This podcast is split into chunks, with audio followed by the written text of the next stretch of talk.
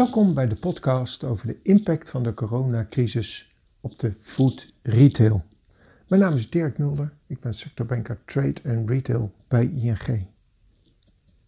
En in de komende 10 minuten wil ik u graag meenemen in de ontwikkelingen binnen de food retail sector. Maar allereerst, dagelijks doen 4 miljoen consumenten boodschappen in de ruim 4300 supermarkten. Supermarkten staan daarmee midden in de samenleving. De sector biedt werk aan zo'n 300.000 medewerkers. De levensmiddelenhandel draagt voor 10% bij aan het bruto nationaal product.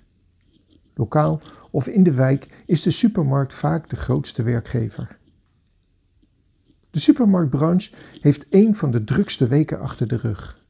Corona zet druk op de hele bedrijfskolom, maar supermarkten slagen er niet alleen in Nederland van voedsel te blijven eh, voorzien, ze tonen ook hun sociale hart.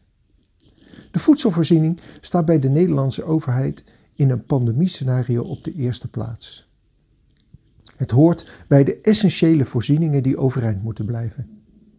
Dat maakt dat het grootste deel van food retail prima tijden gaat krijgen. En hoewel de supermarktomzet volgens het CBS in de derde week van maart met 6% terugliep, ligt deze nog steeds 25% boven de omzet van diezelfde week in 2019.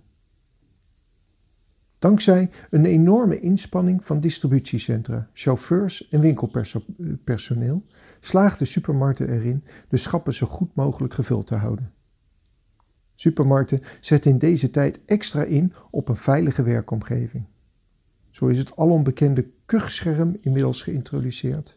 En ook op vloeren wordt met stickers de gewenste afstand van anderhalve meter aangegeven en worden winkelkarretjes en mandjes constant schoongemaakt.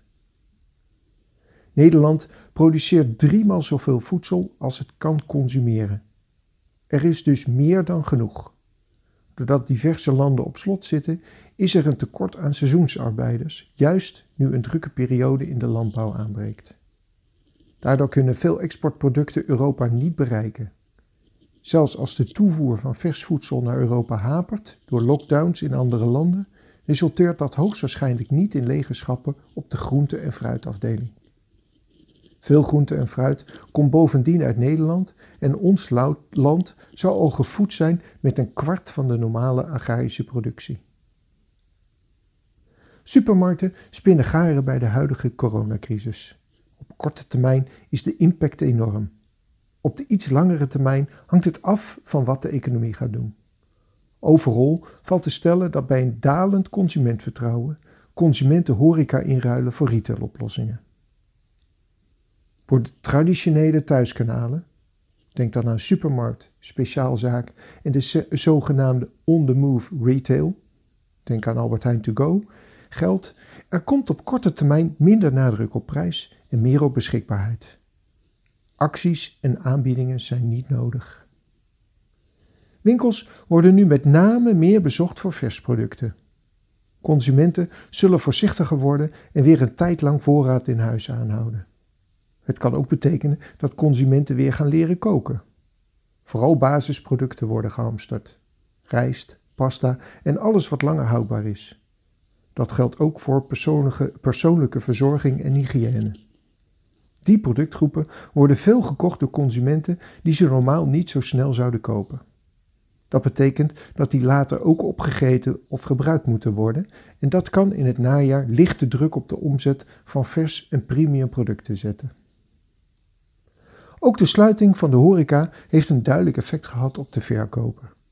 Er is een verschuiving van de omzet van typische producten naar ontbijt en lunch omdat mensen meer thuis zijn. Om de grote toeloop van klanten op te vangen, hebben, hebben tijdelijk zelfbedieningsgroothandels als Hanos, Sligo en Bitfest de deuren geopend voor consumenten. Delivery en pick-up points kunnen op korte termijn extra klanten winnen. Sommige consumenten proberen de supermarkt te mijden. Waar mogelijk bestellen zij hun boodschappen.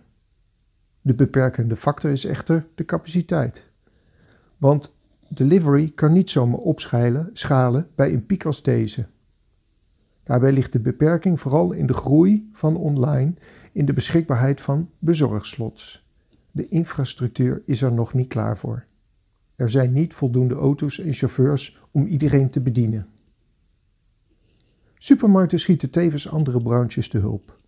Zo zijn er bij veel supermarkten initiatieven gestart om overtollige voorraden en horecaondernemers uh, van horecaondernemers te verkopen of wordt attentie gevraagd voor het aanbod van speciaalzaken.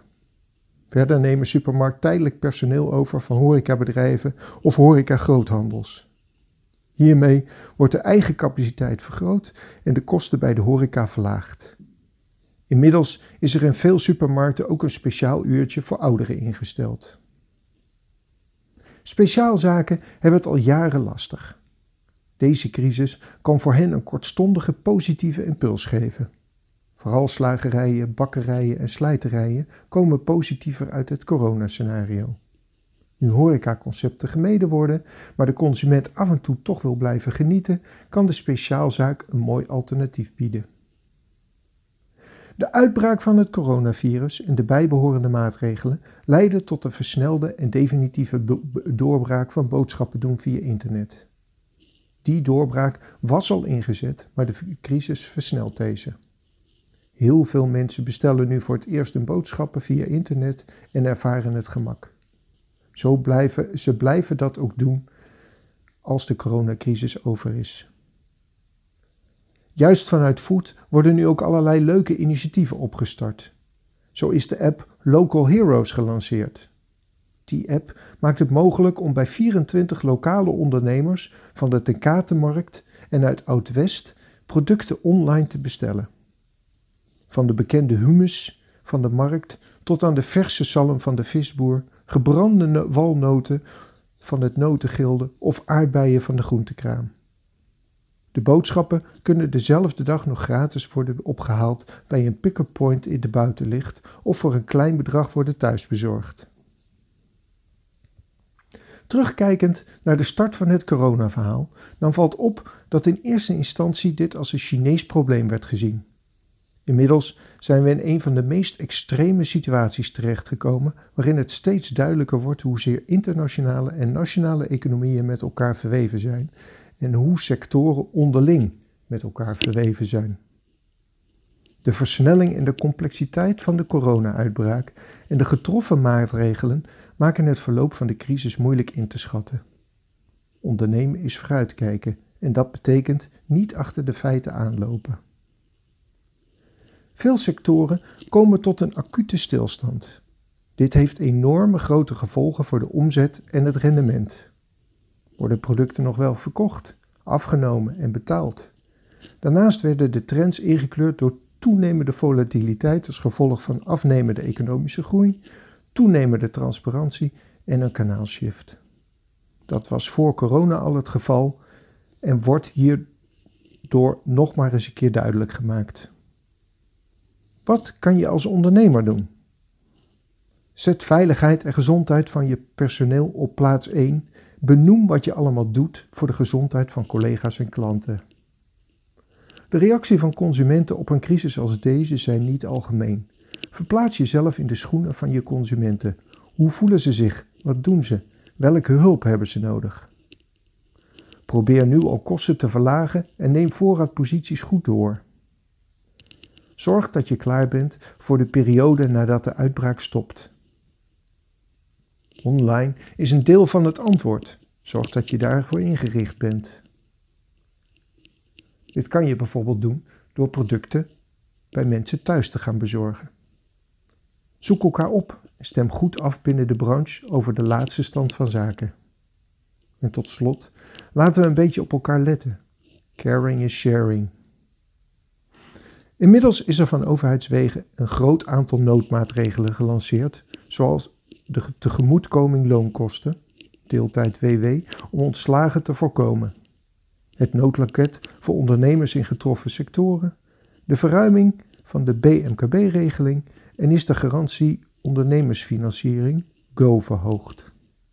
Daarnaast is er ook de mogelijkheid tot versoepeling uitstel van betaling van omzetbelasting, loonbelasting en vennootschapsbelasting.